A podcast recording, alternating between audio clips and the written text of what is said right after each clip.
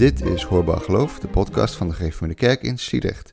In deze vierdelige serie, The Road to Calvary, spreken Job van Achterberg, dat ben ik, en dominee Alexander Veerman over geloof, ongeloof en alles daartussenin. Aflevering 1, ongeloof. The Road to Calvary, een, een serie over geloven. Uh, wat, wat is een goede manier om deze te omschrijven? Uh, deze serie? Ja. Um, nou, laten we even zeg maar, de, de grote lijn um, even, even meewegen. Uh, en dat is eigenlijk dat um, nou, zeg maar, jouw weg in, rondom levensovertuiging. Een weg is die meer mensen lopen, maar bij jou ook wel interessant is, omdat jij eigenlijk heel. je, je, bent gelovig uh, opgevoed, zou ik maar zeggen, in een gelovig gezin. Mm -hmm. Je hebt uiteindelijk uh, keuze gemaakt om atheïst te worden. Uiteindelijk bleek dat niet voldoende uh, handvatten te geven. Of, of het was niet, niet waar je in thuis kwam. Dus er was meer nodig. Vanuit het doordenken ben je ergens op een, uh, bij een pastor beland. En vanuit die pastor ben je uh, een kerk gaan verkennen. En nu nou, sta je op de drempel om ook maar gewoon hardop te zeggen: wow, ik geloof of zo. Nou, het is interessant om die beweging mee te maken. En ik denk dat het voor deze aflevering interessant is van hoe kan het nou dat als je in een gelovige setting opgroeit, dat je uiteindelijk tot de conclusie komt, nou dit is het niet. Ja, dit, dit, dit is het niet. Uh, dat heeft wel wat achtergrondinformatie nodig, denk ik. Um, het, is eigenlijk, als ik er nu zo op terugkijk, kijk, is het, is het moeilijk om zo te kunnen zeggen dat ik, dat ik gelovig ben opgevoed. Mijn moeder was vrij liberaal daarin. Uh, die, uh, die heeft het zelf op een gegeven moment vaarwel gezegd. Terwijl ze vroeger wilde, die nog uh, missionaris worden, als ik het goed herinner. Ik ben opgegroeid in Noordeloos. Ik ging er ook naar de school met de Bijbel. En ja, mijn vader die was toch altijd al betrokken bij de kerk. Geef me de kerk in Noordeloos. toen de tijd was het nog een heel klein kerkje met van die, van die houten banken. En alle jeugd zat achterin, want dan kon je met z'n allen kon je die bank optillen als je een beetje je best deed. En dan kon je hem weer laten zakken en dat maakte herrie. Ah, fijn. Uh, dat, als ik me zo bij terugdenk, was het nou, het was wel aanwezig. Mijn vader las het de Bijbel, maar het werd er bij ons niet. We moesten naar de kerk, dat, dat was gewoon meer van, nou ja, zolang je hier bij ons woont, dan ga je ook maar naar de kerk. Dat was meer, denk ik, sociaal en van een soort... Uh, uh, ja, levenswijsheid. Dat ik denk dat het concreet bedoeld was om ons gelovig op te voeden. Hm. Uh, ik denk dat, ik vermoed tenminste dat de keuze om ons naar de school met de Bijbel stuurde, daar ook mee te maken had. Dat daar de leeftijdsgenootjes zaten en de mensen die mijn ouders kenden, daar zaten hun kinderen. En ja. Dat, dat... Maar dan, dan groei je op, zeg maar, in een, uh, in een wereldbeeld waarin in principe geloven zeg maar volstrekt normaal is. Uh, zeg maar de, het, het overgrote deel van de mensen om jou heen, die is of onderdeel van die gelovige wereld, of die vindt het ook normaal dat er een gelovige wereld is. Hè? Anders dan bijvoorbeeld in Amsterdam, waar mensen zich afvragen, uh, waar praat je over als je over uh, God praat? Ja, ja Noord... dat is zo. Ja. En, en zeg maar, hoe, hoe heb je daar ook een, een gedachte bij, hoe je, hoe je als kind of als jongere die wereld hebt ervaren? Ik begreep het niet goed. Ik, ik weet nog, een, dat, ik kan me dat wel goed herinneren. De dominee, eh, wat zeg ik nu, de dominee, de, de leraar vertelde uit de Bijbel over het verhaal van, uh, ik haal die naam altijd door elkaar. Volgens mij was het Elia op de berg Karmel met de priesters van Baal. Ja. Met de twee offers. En uh, nou ja, dus Baal die krijgt het allemaal maar niet voor elkaar om dat, uh, dat brandoffer aan de gang te krijgen. En dan gaat, die, gaat Elias natuurlijk een beetje pesten. Misschien is Baal op vakantie of misschien is hij op de wc. En eh, uiteindelijk is, is zelfs het hele nat gegooide brandoffer uh, wordt door uh, de Heer met, nou ja, met, met vuur uit de hemel in brand gestoken. En ik weet nogal dat ik dat vroeger wel een, een moeilijk verhaal vond. Ik, dat ik dat er in moeder zei van, dat is heel vervelend voor die priesters van Baal. Want die deden ook maar gewoon wat, wat zij vonden dat, dat, nou, dat was hun geloof. Dat relativistische dat er al vrij jong in. Dat betekent dat je eigenlijk zegt dat, noemt even het, uh, het vanzelfsprekende geweld, het vanzelfsprekende religieuze geweld, waar de Bijbel ook vol mee staat, dat dat zeg maar de eerste barsten waren in dat wereldbeeld waarbinnen jij opgroeide. Ik wil niet zeggen dat het jouw wereldbeeld was, maar wel het wereldbeeld waarbinnen je groot werd. Nee. Nee, dat, nee, dat denk ik niet. Nee, nee dat, die verhalen werden je toch als kind wel verteld. Dus ja, dat, dat, dat, dat uh, uh, Simpson de Filistijnen met, met, wat was het? Een ezelskaak omverslaat. Ja. ja, dat, het waren de Filistijnen. Dat waren nou niet echt de vrienden. Dus ze vertelde ons natuurlijk ook niet wat er later met die priesters van Baal in de vallei gebeurt na afloop. Dat, dat was geen onderdeel van het verhaal in mijn persoonlijke geval was het meer dat ik erg interesseerde voor dinosaurussen. En dat, dat was not done. Uh, oh, okay. het, het, het, het, hoofdstuk over uh, bijvoorbeeld biologie in de prehistorie in de biologieles. Dat, nou ja, daar werd wat lacherig over gedaan. Um, en dat staat me nog heel erg bij. Ik was daar een soort van verbolgen, want ik weet nog wel dat ik ook mijn uh, ja, kinderencyclopedieboek over dinosaurussen daarmee naar school nam. Met, ja, jullie zeggen dat die niet hebben bestaan, maar in dit boek staat toch heel duidelijk. Dus wat dat betreft, als ik... Dus je was als kind zeg maar al, al eigenlijk heel erg geïnteresseerd in, in noemt even, uh, uh, de, de uh, oergeschiedenis van de aarde, zeg maar, de dinosaurussen. En, en, ja. en daar was geen ruimte voor in, in, in dat wereldbeeld. Ja, absoluut niet. Mocht je ook je spreekbeurt niet over doen. Nee, oké. En ik denk dat dat, zeg maar, dat heeft niet geholpen om het wereldbeeld te omarmen, zeg maar. Dus de, de, ik, zoek, ik zoek even naar ja, waar... Ja, ja zeker. Hè, want zeg maar, op het moment dus dat je binnen een wereldbeeld opgroeit, uh, dan uh, is het best wel uh, een, ja, zeg maar, een moment om te ontdekken van... hé, hey, dit, dit, is niet helemaal wat ik wil. Um, en en dit, dit is er één van. En je zou kunnen zeggen van wetenschap en de Bijbel...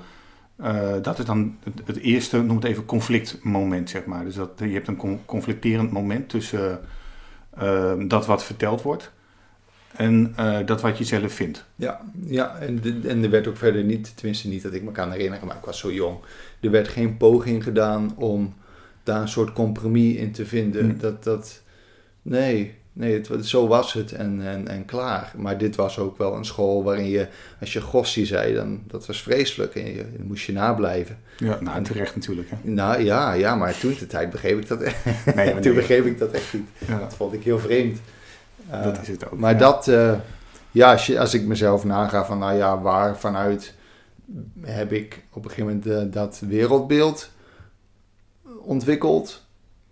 Ja, op die manier. Mijn moeder zei ook, nou ja, dat waren verhalen, de Babylonische ballingschap en mensen wilden dingen aan, aan elkaar verklaren. Dus nou ja, dan krijg je al vrij jong uh, de wat uh, uh, sceptische kijk op, oh ja, het zijn verklaringen, ja, die mensen wisten ook niet beter. Och, en nou moet ik ook zeggen dat er ook niet op die school dermate diep op werd ingegaan. Het was heel erg, oké, we lezen dit voor en we gaan er niet over in discussie. Nee, dat, precies. Uh, dat, maar ja, waar hebben we het over? Hoe oud zijn we als kinderen?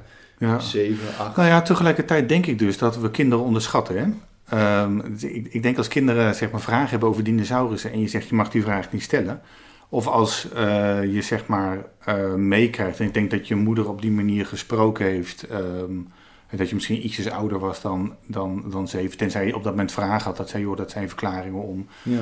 Maar ik denk dus dat um, we ook niet bang moeten zijn om dan het daar ook over te hebben. Want, de, dus, want dat is eigenlijk een tweede. Dus het eerste is dat wetenschap en, en de Bijbel die, die gaan botsen. En dat zal natuurlijk later gaan, uh, zal die kloof groter worden. Omdat je natuurlijk als tiener uh, meer wetenschap tot je neemt. Mm -hmm. um, uh, en je misschien daar ook meer thuis bent, bent bij gaan voelen. En dan raak je dus, dan moet je als het ware kiezen tussen of de Bijbel of de wetenschap. En dan uh, is de keuze voor de wetenschap relatief logisch. Als je al niet zoveel hebt met, uh, met die Bijbelse verhalen, zeg maar. Um, en het andere is dat uh, wat je moeder zegt is waar. Hè? Dus er zijn heel veel um, theorieën die zeggen, ja, uiteindelijk is, um, zijn het religies. En religies zijn ontwikkeld om een aantal vragen te beantwoorden. Ja. Uh, en gelukkig zijn wij nu een stukje verder, uh, met dank aan de wetenschap, zeg maar. Dus op het moment dat, uh, noem het even, de wereld van, van de Bijbel en de wereld van de kerk niet een antwoord geven op het is een verklaring voor mensen in een bepaalde tijd en niet meer dan dat. Ja, dan wordt eigenlijk die, die kloof alvast klaargezet, zullen we zeggen.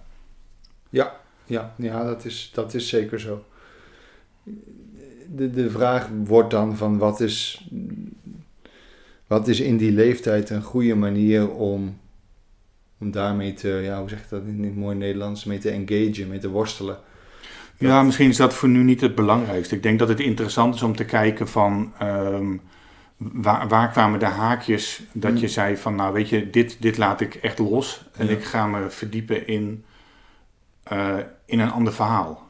Eh, want het is ook niet zo dat je, want je bent wel een, een, zeg maar een forser. hè, iemand die, die, die zoekt en, en Ja, ja, ik had ook altijd wel eh, de hoop om een paleontoloog te worden. Dus dat is iemand die dan dinosaurussen gaat opgraven. Eh, nee, dat, dat is het uiteindelijk niet geworden. Maar ik was wel altijd eh, ge- geïnteresseerd in dat soort dingen. De neiging om dingen te begrijpen is iets wat me, wat me ook nooit loslaat. Toen ik iets ouder word, ben ik ook gaan interesseren met hoe werken nou wiskundige systemen en hoe zit het universum in elkaar. En, ehm, En die vraag naar het universum, zeg maar, is dat dan ook zeg maar, vanuit die, noem het even, die interesse in dinosaurussen, dat je zoekt naar, naar eh, oorsprong of doorgronden van. Het zou, het zou kunnen. Het, het, het zijn natuurlijk. eh, De dinosaurussen aan zich die spreken enorm tot de verbeelding. Dat Ja. waren even niet, nou ja, niet altijd enorm, maar vaak toch wel ah, forse dieren die er niet meer zijn. Dat is natuurlijk bizar. En dat we al, het enige wat we nog hebben zijn de overblijfselen als een soort, een soort afdruk. Soms zelfs alleen een afdruk. Hm. eh, met, met wat er vroeger was en wat we nu niet meer zien. Maar dan heb je het, het universum buiten je. En dat is, dat is enorm. En, en, en nou ja, als je die beelden ziet van de Hubble Space Telescope, gigantisch. En echt, dat, dat is on, ongrijpbaar in, in, in hoe enorm het is. En dat, dat dringt zich een soort aan je op als iets dat een antwoord vereist. Hm. Eh, niet dat ik me in staat achter om dat antwoord te vinden, maar het fascineert op zo'n moment. En ja, ik weet niet waar ik hiermee naartoe ga, maar zo, zo, als ik mezelf een beetje bekijk, heb ik altijd wel mezelf dat soort dingen afgevraagd. Eh, maar daarnaast blijf je natuurlijk in zo'n dorp ook wel onderdeel van zo'n gemeenschap. Bijvoorbeeld bij de kerk zat de club, dus je ging naar, een clubavond en dan met je vriendjes. En af en toe, eh, hoe ouder je werd, hoe serieuzer daar de gesprekken werden. Ehm, we hadden op een gegeven moment de, de gereformeerde jeugdvereniging. Nou ja, wat zullen we geweest zijn? Een jaar of... Gewoon nog thuis, denk ik. Eh, Zou ik een jaar of 18, 19 geweest zijn. En daar werden wel serieuze onderwerpen besproken. Kijk, Ja. we werden allemaal ouder, maar dan was het van één keer in de maand kwamen we samen. Dan had iemand het onderwerp. En eh, nou ja, ik kwam dan met het probleem van het lijden. En eh, een ander zei, nou ja, wat vinden we van, van bijvoorbeeld euthanasie of het, het, Hm. het, het recht op abortus. En daar, daar worstelden, worstelden we wel met, met serieuze kwesties. En ik, ik weet nog wel dat, dat, dat iemand toen ook bijvoorbeeld bang was om het boek De Da Vinci Code te lezen. Want, want ze dacht, ja, misschien val ik dan van mijn geloof. En ik weet nog wel dat ik dacht van, ja, wat, wat is het dan als zo'n boek dat zo aan het wankelen zou brengen? Dus daarmee kunnen we het ongeveer dateren dat dat boek toen in ieder geval populair was. Ja, Maar daar zaten ook echt, echt mensen, ja, die geloofden echt. En ik weet nog, dat begreep ik niet. Ik, ik kon daar niet bij. Het was ook, dat was een soort... Als ik er naar mezelf op terugkijk, vind ik dat moeilijk. Dat ik, dat ik zo weinig begrip had dat andere mensen er heel anders over nadachten dan ik. Voor mezelf was het wel een soort vanzelfsprekend dat ja, het seculiere wereldbeeld het juiste was. En, Ja. en Want dat was eigenlijk wat je jezelf toen al een soort van eigen had gemaakt. En, en, en seculier, wat bedoel je dan? Nou ja, in ieder geval, God was niet, dat kwam niet ter sprake. Dat was ook niet relevant. Per definitie onkenbaar. Eh, niet iets waarmee we konden verklaren. Dus echt eh, ja, eh, een soort levend op een, een empiristisch, wetenschappelijk gedreven wereldbeeld. Een soort mechanistisch wereldbeeld. Dus ja, we kunnen niet verder kijken dan zogenaamde Planck-tijd tot, tot aan de, de singulariteit van de Big Bang. Dat is op een gegeven moment zo begonnen. Hoe dat is, nou, daar komen we ook op een gegeven moment wel achter. Maar we weten in ieder geval hoe het daarna zich heeft ont... eh, ja, hoe zeg, je, hoe zeg je dat? Ontvouwen. Ontvouwen, dat is inderdaad een goede term. Ja. En dat is natuurlijk een heel prettig wereldbeeld. Ehm, wat maakt dat prettig? een soort rotsvast ja, geloof in de, de onstuitbare voortgang van de, de Oh, wetenschap. Een beetje, eh, je had op een gegeven moment eh, in, wat zal het geweest zijn, 1872 een natuurwetenschapper. Eh, er stond onder andere bekend over dat hij eh, ehm, volgens mij iets met, met de elektriciteit en de zenuwbanen had ontdekt. En die zei, er zijn gewoon een hoop dingen die kunnen wij niet weten, daar kunnen we niet over weten. Dat noemde hij ignoramus et ignorabimus, zei hij in, op, op zijn Latijn. Hm. En hij zei, er zijn gewoon dingen, kunnen we niet weten. Punt uit, klaar. En er was een wiskundige, eh, David Hilbert, die vooral bekend is om zijn werk in de oneindigheid en de paradoxen die eruit ontstaan. En hij heeft een heel beroemde toespraak, volgens mij uit het jaar 1900, waarin hij zegt, in de wiskunde zijn geen ignorabimus. Eh, wij, wij, moet, wij moeten weten, wij zullen weten. Oh, En dat we- en, En, en da- dat is dan zeg maar wat jou aansprak. Dat, dat, eh, dat je zou kunnen zeggen, bij het geloof heb je zoiets van, nou ja goed, je weet het niet. Dus eh, geloof het maar. En de wiskundige zegt, eh, ehm, bewijs het maar. Zo, zo is het. En als we het niet bewijzen, is het er niet. Ja, ja, En, ja, en als het er is, dan gaan we het bewijzen. ja, En er precies. zit geen grijs tussen. Het is, het is er wel of het is er niet. Ja, en, en de, de wiskundige methode, eh, sorry, de wetenschappelijke methode daarnaast, eh, tenminste voor zover er één wetenschappelijke methode is, een heel andere discussie. Eh, maar over het algemeen nemen we aan dat die zelfcorrigerend is. Hm. Dus per definitie gaat die dogma uit de weg. Eh, dus eh, in de zin van, oké, wij hebben een hypothese, een model over de werkelijkheid. Die kunnen wij eh, stoelen met data. Eh, dat kunnen we met elkaar, kunnen we dat opnieuw, kunnen we met dat onderzoek tot eventueel diezelfde resultaten of een ander resultaat komen. Dus een, definitie, een, een, een wetenschappelijk onderzoek moet per definitie falsificeerbaar zijn. Je moet er over kunnen zeggen dat het wel of niet waar is. Ja. Ehm, je kunt niet zeggen, ja, ja dat weten we niet. Eh, nee, dat kun je wel zeggen, maar dan kun je het in ieder geval heel moeilijk gaan testen. Ja, Eh, precies.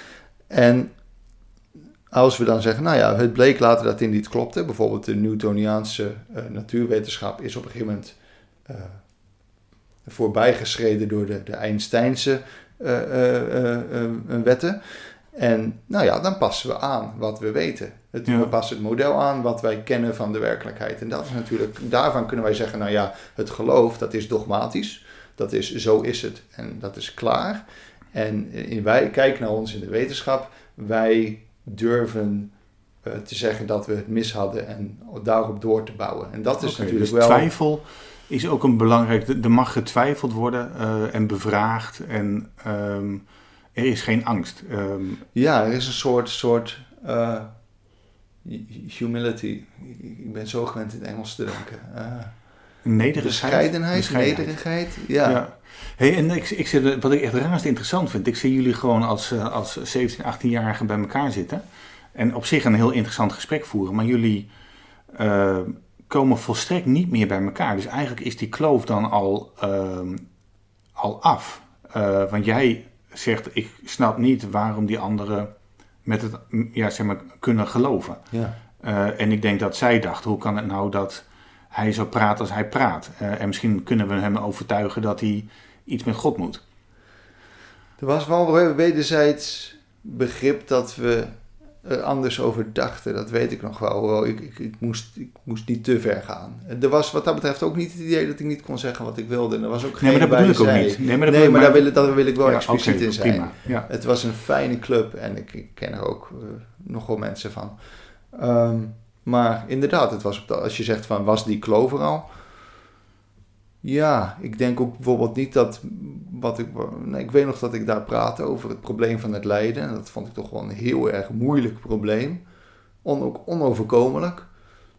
Nee, nee, dat, dat, dat, ik, ik heb niet idee gekregen dat ik daarmee eh, mensen, mensen van gedachten deed veranderen. Nee. Nee. Hey, en zeg maar, wat, wat was voor jou een moment waarop je zei: ehm, Nou, ik, ik sta op een bepaalde manier in het leven, ik moet con- conclusies aan verbinden, ik zeg mijn lidmaatschap van de kerk op. Ik verhuisde. En toen kwam ik erachter, toen ik op mijn nieuw huis woonde, dat er in één keer iemand van de kerk voor mijn deur stond. Ik begreep ook niet waarom dat zo was. Want ik had toch gezegd, ik verhuisde. Maar ja, ze hadden me gewoon doorges eh, doorgeschakeld. Dus heb ik gezegd, ja, sorry, ik, ik, ik, ja, ik ging toen al niet meer naar de kerk. Ik, ik, ik moest tot mijn achttiende gaan en daarna ben ik nooit meer gegaan. Nee.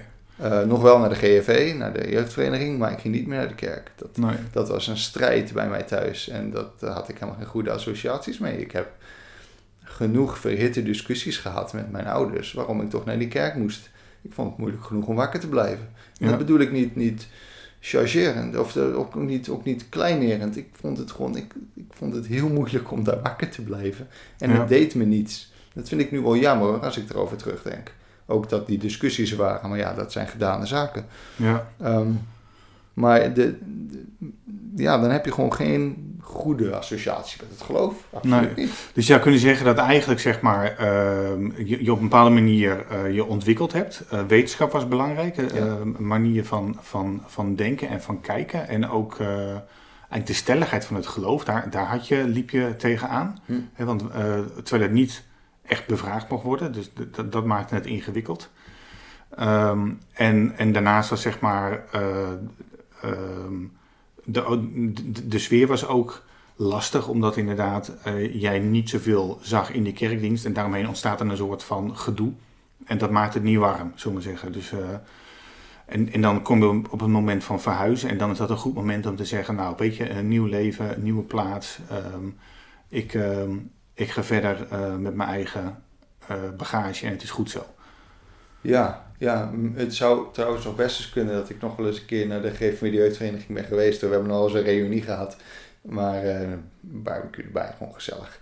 Van hoe gaat het nou met iedereen? Maar inderdaad, ik, ik ben verder, ik ben er ook hier niet naar kerken gaan kijken. Ik vond het, ik vond, ik kwam natuurlijk in Sliedrecht wonen. Ik moest er wel even aan wennen hoor. Dat als ik hier een, een wandelingetje maakte, dat, dat er kwamen de mensen op zondag de kerk uit. En dan vond ik het toch, ik vond dat zo raar. En zei ik tegen mijn vrouw, ja, die mensen, ja, ja, die zijn een soort rationeel, maar dan selectief. Want ze gaan toch naar die kerk. Ik begrijp dat niet.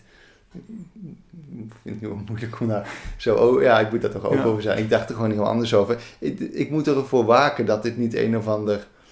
eh, een soort eh bekeerverhaal verhaal wordt. Nee, maar dat is zo, het niet. Nee, maar, en dat, dat Maar- hoeft ook niet. Maar wat, ik, wat interessant is, is om gewoon te, om te zien dat je een, zeg maar, een, een weg bent ingeslagen. En eigenlijk, eh, kijk, ehm, ik, ik ben nu predikant, hè. Ehm, ik zal straks iets van mezelf vertellen als je, als je dat goed vindt. Tuurlijk. Ehm, maar eh, ik denk wel eens dat wij als kerkelijken soms geen idee hebben wat er eh, zeg maar, buiten de kerk eh, gebeurt. Ehm, en dat zeg maar, ehm, nou, soms mensen ook naar ons kijken alsof wij eh, een soort aliens zijn. Ja. Of, of de dinosaurussen van toen, zeg maar. Ja, van, ja, oh, ze bestaan nog, weet je dat. terwijl wij denken dat we heel relevant zijn en belangrijk. Maar iedereen denkt van ja, wat, wat doen die mensen daar? Dus dat vind ik ook wel van belang om, om ook eh, mee te nemen als een soort les. Eh, hè, dus dus eh, mensen kunnen ook binnen de kerk op een bepaalde manier opgroeien en, en aan een bepaalde kant van een kloof komen te staan. En wij hebben geen bruggen. En daar, daar moeten wij aan werken. Want, want de vragen zijn hetzelfde. En ik, opnieuw, het gaat me niet om bekeren, maar het gaat me om het gesprek. Wat ik zou willen is dat we bruggen bouwen, zodat, want waarom is die GIV zo interessant? Omdat je daar kon praten. Eh, zonder dat daar direct op stond van, eh joh Job, eh, nou moet je wel gaan roepen dat je echt heel erg in Jezus gelooft. Dat, dat was niet het punt. Nee. Ze wilden gewoon weten hoe je erover dacht. Ehm, en, en, en argumenten meten. En daar groeien van in je, in je manier van zijn, zeg maar. Ja. Oké. Ja. Nou, wat, wat, ik, wat ik even wilde noemen is dat wat jij vertelt, ik tot op zekere hoogte ehm, op, ja, herken, maar op een iets andere manier. Ik, ik ben zelf groot geworden in een, ehm, eh, in een vrijgemaakt gezin, eh vrijgemaakte kerk. Vrij, en nou, dat was best wel streng. Alleen, ehm, ik groeide eigenlijk ook heel, heel erg op binnen dat wereldbeeld. Dus het was ook voor mij eh, niet te bevragen. Het was zo vanzelfsprekend. ehm, ja, dat je je ook niet afvroeg of het anders kon. Hè? Dus eh, waar jij begon met vragen stellen, ehm, nou, daar groeide ik eigenlijk gewoon eh, erin mee. En als ik al vragen had, dan was er toch geen plek voor. Dus dat parkeerde ik of dat, ehm, dat was niet, niet interessant. Ik herinner mij dat ik had, toen ik catechisatie volgde, dat op een gegeven moment de predikant mijn vader heeft opgebeld dat ik uh, te veel vragen stelde en of mijn vader wilde zeggen dat ik het niet meer moest doen. Nou, dat vond ik echt een hele, hele rare move. En ik was toen 14 of zo, dus ik vond het echt heel bizar. Ja. Uh, maar goed, dat is toch gebeurd. En, maar ik wilde in die tijd al predikant worden, dus um, er was al een soort ja, voorsorteren uh, dat ik ook wel een soort super vroom moest zijn. Want, want ik wilde tenslotte toch predikant worden. En uh, ja, dat is eigenlijk in duigen gesprongen, um, of in duigen gevallen, um, toen, toen ik uh, Esther leerde kennen, mijn vrouw. en zij komt uit een andere kerk. En dat, zeg maar, die, die kerk in die tijd, dus ik, het, het, is ook weer ja, meer dan 25 jaar geleden. En toen waren ze anders dan nu maar daar heel agressief op reageerde. Dus uh, terwijl ik zelf uh, heel erg overtuigd vrijgemaakt was, ja, werd er heel snel gezegd van ja, jij klopt niet. Hè? Wat jij doet um, is niet, is niet oké. En op een gegeven moment, lang verhaal kort, maar ik moest kiezen tussen de kerk en het meisje. En toen koos ik voor Esther. En toen ben ik uh, ja, uiteindelijk de kerk uitgezet. Um, en ik moest ook mijn opleiding beëindigen. Ik zat aan de vrijgemaakte universiteit. Dus ik moest overstappen naar een andere universiteit.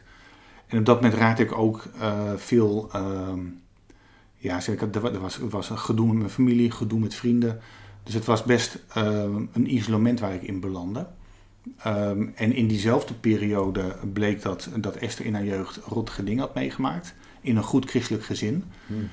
Um, en toen dacht ik wel van, ik, ik heb hier gewoon geen zin meer in. Ik geloof niet dat, uh, hier, dat dit nog te verenigen is met een God. Dus je had het over God en het lijden, dat was voor jou een belangrijk punt.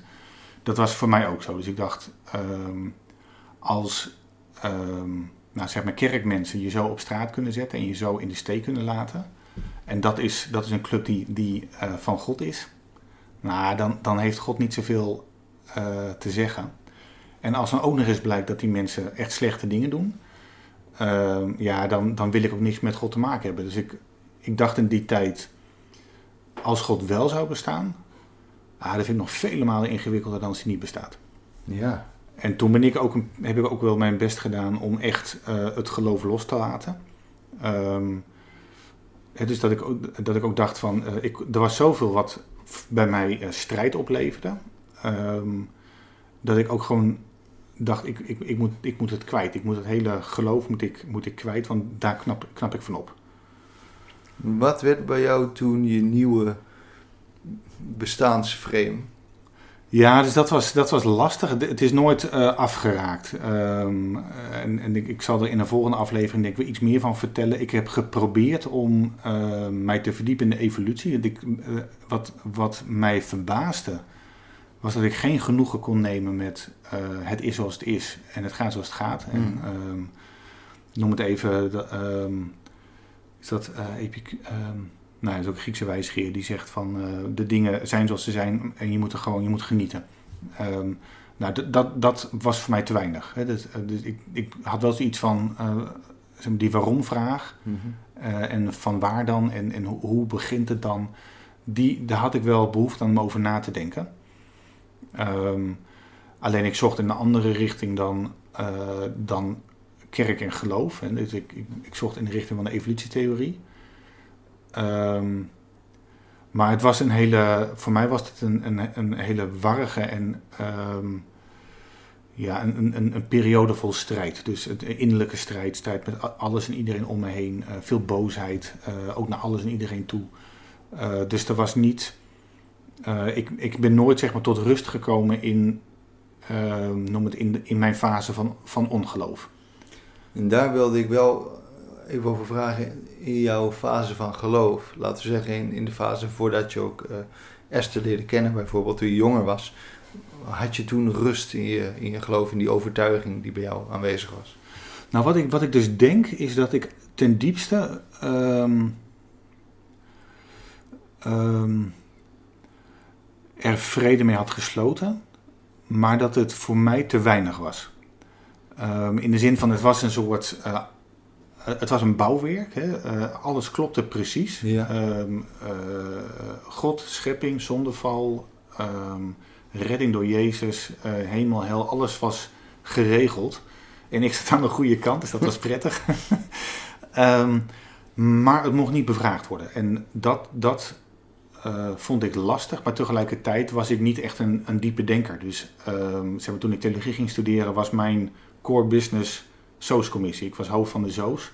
Daar lagen mijn kwaliteiten. Ehm, en ik kon een duvel uitschenken in een glas. Eh, weet je dat, zeg maar. Ehm, maar tegelijkertijd was, waren mijn medestudenten, uh, die waren wel veel kritischer dan ik. Maar ik vond dat heel interessant.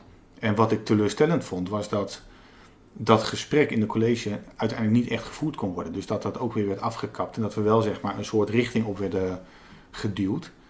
Maar dat zat allemaal, dat mocht er nog niet zijn, zeg maar. Dus je zou kunnen zeggen dat ik meer, uh, dus in die onrust na mijn fase van geloof, zeg maar, uh, dat, daar ben ik meer mezelf gaan worden dan ik ooit ben geweest toen ik gelovig was. En ik denk achteraf dat ik niet zozeer, um, noem het even, het geloof had toegeëigend, maar dat ik meer uh, het frame had aangenomen als, nou dit is het dan, terwijl het nog niet echt van mij was. Uh, wat wil ik, uh, hoe wilde ik hierover verder gaan? Wat er bij jou toen gebeurde, jij ging niet, dat idee krijg ik tenminste niet, jij, jij vertrok niet naar het andere kamp, laat ik het zo vragen. Jij... De andere kamp bedoel je het atheïsme? Ja, in de zin um, dat je je omringde met nee. gelijkgestemden. Nee, dus wat ik, wat ik uh, in die tijd uh, deed, was dat. Dus, dus zeg maar even in, in, die, in die overstap. Hè, uh, wat ik heb geprobeerd is dat ik um, een soort van verloren strijd voerde. Ik, ik wilde nog dat, um, dat gevoel van dat vrijgemaakt zijn vasthouden. Dat ik alle kennis had en ik wist hoe het zat. En toen ik dus op de Griffin Universiteit kwam en daar ook docenten had die aanspoorde om te twijfelen, om dingen te bevragen. Uh, die ook soms dingen zeiden waarvan ik dacht, ja, maar dat mag niet van, van God. En ze zeggen dat hier. Uh, dat ik de behoefte had om ook die docenten uiteindelijk de les te lezen. Dus dat ik zeg maar een soort van laatste poging deed om anderen te overtuigen. Um, tot ik zeg maar helemaal um, in de war raakte. Toen heb ik een uh, docent in de arm genomen, docent pastoraat. En die zei tegen mij, je moet uh, afbreken. Je kan pas beginnen met iets te bouwen uh, als de ruïnes uh, weg zijn. En ik heb toen, um, um, ja, er gebeurde in ons leven erg veel. Dus ik had ook niet heel erg de tijd om er heel diep over na te denken en, en mensen te zoeken. Um, of heel veel te lezen. Het was meer iets, een, een innerlijke strijd van dat moment, zeg maar. Hmm. Want, jij zocht wel zeg maar op internet naar, of, of, of in je vriendengroep, naar mensen die hetzelfde dachten als jij. Ja, op een gegeven moment wel. Maar eh, ik heb hier best over naast te denken, want ik wist dat deze serie ging doen. Wat ik uh, bijvoorbeeld zelf deed, ik ging dan naar van die, uh, van die christelijke discussiefora. En dan ging ik in discussie ik kon een soort niet begrijpen hoe, hoe, waarom mensen er zo anders over dachten. En ik wilde weten hoe dat zat. En ik, ik denk dat ik ook een soort behoefte had aan goede tegenargumenten. Die kreeg ik eigenlijk vrijwel nooit. Het was vaak een soort van, nou ja, het, dat staat er en het is zo. En soms kwam ik op, op, eh, op de winkelstraat hier van die uh, evangelisten tegen. En daar meestal liepen die discussies dan op een gegeven moment uit in van ja, maar we worden het niet eens. Er waren nooit echt goede argumenten waarvan ik denk van ja, al, al had ik misschien een keer met een, een wat filosofisch onderlegd iemand gesproken of met een theoloog, was het misschien wel heel anders gegaan. Ik, ik weet nog wel dat ik op clubkamp was. En wij hadden een dominee en die was bioloog. Oh ja. Dat vond ik echt super interessant. Ik weet nog dat ik hem een keer vroeg, hoe kan het nou dat u en dominee bent en bioloog? Want u begrijpt toch hoe die evolutietheorie in elkaar zit. En daar wilde hij een soort niet over in discussie. Dat vond ik echt heel jammer, want ik was oprecht benieuwd. Maar want ik, ik denk, hoe kan je dat nou met elkaar rijmen? Nou, dat zegt ook iets over hoe ik erin stond. Maar het is, je, eigenlijk was je op zoek naar, overtuig me nou dat, ik dit, niet, dat dit niet de weg is. Uh, dat weet ik niet. Ik oh. was overtuigd, ik wilde weten waarom andere mensen zo over dachten. Kijk, ik was wat, wat iemand anders een keer uh, um, omschreven heeft als een een langzame utopie-denker. In de zin van, uh, denk nou, als, uh, dat religie, dat, dat, dat, moet maar eens een keer ophouden. Uh, als we daar eenmaal vanaf zijn, dan komt het nog wel goed met de mensheid. Dan knapt de wereld een stukje op. Precies. Dan gaan we ook nog wel een keer die ruimte fatsoenlijk verkennen. En ja, dan juist. En dat, dat maak ik in mijn leven nog wel mee. Dat die religie weg is. Dat we daar als mens een soort onszelf bovenuit Maar dat is, dat is echt een, uh, een, nog meer dan dat je zegt, ik vind atheïsme interessant en geloven niet. Maar wat je eigenlijk zegt is, die religies zijn ook uiteindelijk schadelijk. Ja, uh, dus ja, ja, zeker. Ik, ik, ik kan mezelf toen de tijd wel als antitheïst hebben beschouwd. Ja, en zeg maar, is dat dan ook, gaat dat ook in stapjes? Of, of was dat vrij snel dat je dacht van... Oh, dat is een moeilijke vraag. Gaat dat in stapjes? Ik denk dat dat zich ergens in mijn tienerjaren heeft ontwikkeld. Uh, het, het, irriteerde me een soort. Dat, dat, dat, denk, het is toch overduidelijk gewoon allemaal de grootste onzin. En hoe krijg je het voor elkaar om het serieus te nemen? En ik kreeg maar geen goede tegenargumenten. Ja, precies. Ik denk, ja, duidelijk is dit een soort, een soort, ja, hoe zeg je dat in het Nederlands? Willful ignorance. Een soort gewoon, ja... Geaccepteerde domheid? Ja, een soort, soort ja, het, het dogma omarmen zonder, zonder er uh, kritisch over na te denken.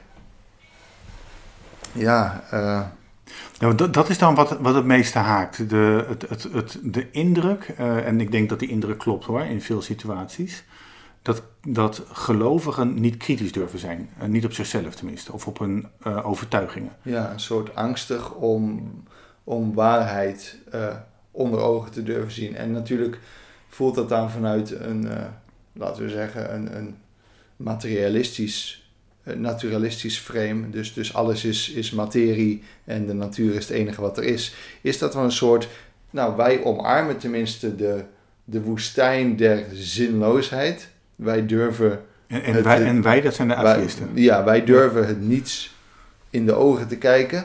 Wij als, als uh, ja, zo, wat, wat, sorry dat ik, maar wat Nietzsche de, de Ubermensch noemde. Dus wij, wij verheffen ons, wij maken onze eigen idealen en uh, wij, wij zullen de, de mensheid naar, naar, ja, toch wel naar een nieuw niveau toe, uh, toe sleuren, goedschiks of kwaadschiks. Niet dat ik ideeën had om echt mensen te gaan overtuigen op straat of zo, maar ik, hm. ik denk, nou ja, gezien de, de, de, de eindeloze mars van de vooruitgang komt het nog wel goed. Het zegt ook wat dingen over hoe ja, mijn beperkte kennis van de recente geschiedenissen en überhaupt ja, maar de wetenschappelijke het is, wel, kijk, het is natuurlijk wel, wel interessant en ik denk ook... Um, het, het, het, ligt ook uh, best wel voor de hand uh, om religie um, van veel ellende de schuld uh, te geven.